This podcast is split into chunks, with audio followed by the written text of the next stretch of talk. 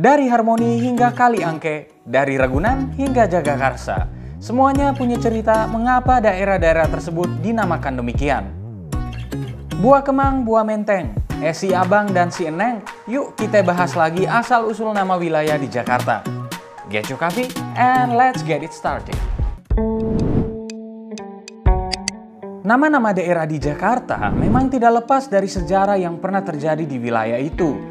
Jagakarsa misalnya punya sejarah dari serangan kerajaan Mataram kepada Belanda. Ceritanya, salah satu panglima Sultan Agung Hanya Krakusuma yang menyerang Batavia di tahun 1629 bernama Surodipo. Namun, serangan pertama yang dilancarkan gagal dan Surodipo pun gugur. Perlawanan kemudian dilanjutkan oleh anaknya yang bernama Raden Bagus Jagakarsa Surobinangun Seiring waktu, pengganti Sultan Agung bernama Amangkurat I berdamai dengan Belanda. Zainuddin HM dalam buku karyanya berjudul 212 Asal Usul Jakarta Tempo Dulu menyebutkan bahwa Raden Jagakarsa menolak pulang ke Mataram karena takut kena hukuman penggal. Ia akhirnya mendiami wilayah di Jakarta bagian selatan yang hingga kini disebut Jagakarsa.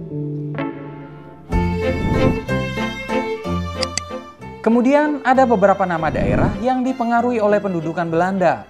Ragunan misalnya, berasal dari kata Wiraguna, yaitu gelar yang disandang tuan tanah pertama kawasan tersebut bernama Hendrik Lucas Kardel, yang diperolehnya dari Sultan Banten Abu Nazar Abdul Kahar, putra Sultan Ageng Tirtayasa.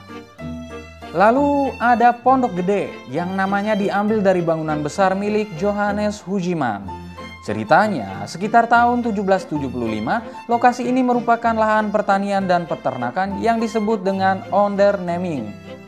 Karena rumah Johannes Hujiman merupakan satu-satunya bangunan besar yang ada di lokasi tersebut, bangunan itu menjadi sangat terkenal dan oleh masyarakat pribumi dijuluki sebagai Pondok Gede. Begitupun dengan wilayah harmoni diambil dari Society de Harmoni yaitu bangunan yang didirikan Belanda untuk pertemuan para sosialita dan penguasa Belanda. Nama-nama wilayah di Jakarta juga sangat dipengaruhi oleh budaya dan pemberian nama Tionghoa. Kali Angke misalnya, berasal dari bahasa Tionghoa dialek suku Hokkien. Ang berarti merah dan Ke artinya aliran air, sungai, atau kali.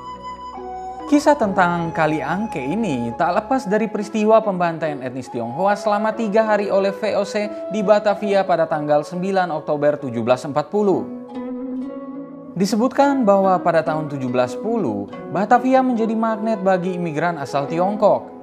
Saat itu terdapat 130 pabrik penggilingan tebu yang menjadi daya tarik imigran. Gubernur Jenderal VOC masa itu, yaitu Adrian Falconer, membiarkan kedatangan imigran tersebut. Falconer terpikat oleh etos kerja, daya tahan, dan keterampilan para imigran tersebut. Hingga akhir tahun 1730-an, ribuan orang Tiongkok perantauan suku Hokkien terus berbondong-bondong datang ke Batavia hingga jumlahnya mencapai 30 ribu penduduk. Selain menjadi buruh pabrik, mereka juga bekerja menjadi pedagang. Namun, ternyata kondisi keuangan VOC goyah oleh persaingan dagang dengan the British East India Company.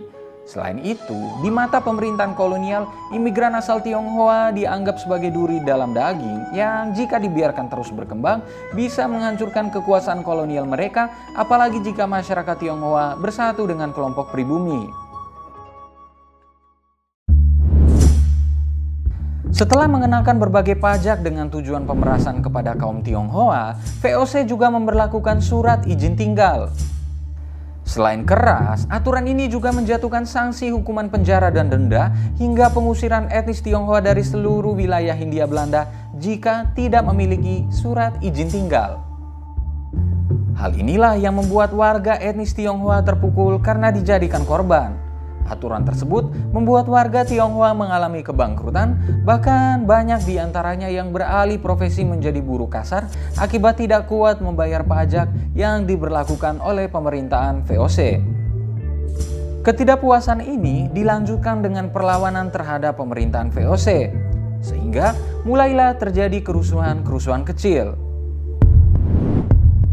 Aksi perlawanan akhirnya memuncak pada 7 Oktober 1740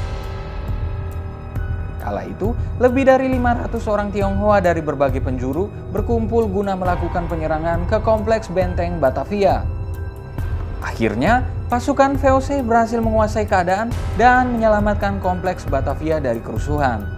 Namun, seluruh rumah dan pusat perdagangan warga Tionghoa yang berada di sekitar Batavia digeledah dan dibakar. Ribuan warga Tionghoa yang selamat dari kerusuhan diburu hingga ke pinggir sungai dan dibunuh tanpa peduli apakah terlibat atau tidak dalam peristiwa pemberontakan tersebut. Mayat yang dibuang ke sungai diperkirakan jumlahnya mencapai 10.000 jiwa. Air sungai yang berubah warna menjadi merah akibat darah itulah yang membuat sungai tersebut kemudian disebut sebagai Kali Angke.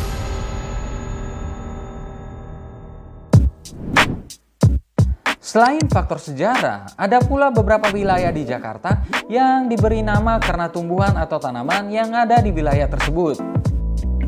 Daerah Menteng, Jakarta Pusat misalnya, pada zaman dahulu merupakan hutan yang banyak pohon buah menteng dan disebut sebagai Kampung Menteng.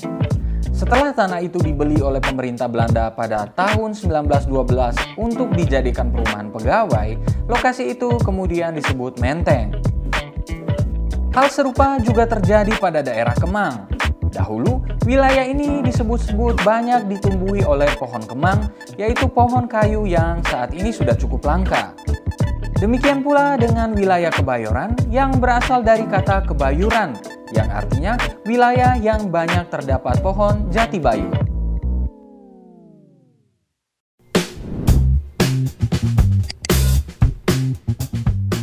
Well, masih banyak lagi wilayah di Jakarta yang punya sejarahnya masing-masing.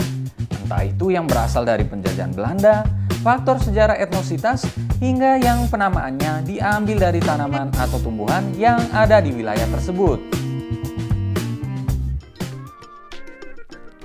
Terima kasih telah mendengarkan episode kali ini. Nantikan episode-episode selanjutnya dan jangan lupa untuk kunjungi pinterpolitik.com untuk dapatkan informasi seputar fenomena politik di Indonesia.